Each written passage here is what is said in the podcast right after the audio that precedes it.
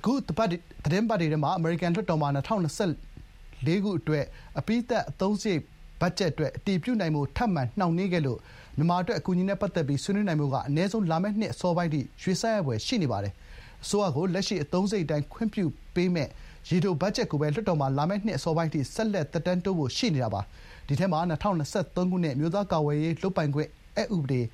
NDAA ရဲ့အောက်မှာ အတည်ပြုခဲ့တဲ့ Burma Act ဥပဒေလည်း ပါဝင်နေပါတယ်။ ဒါပေမဲ့ ၂၀၂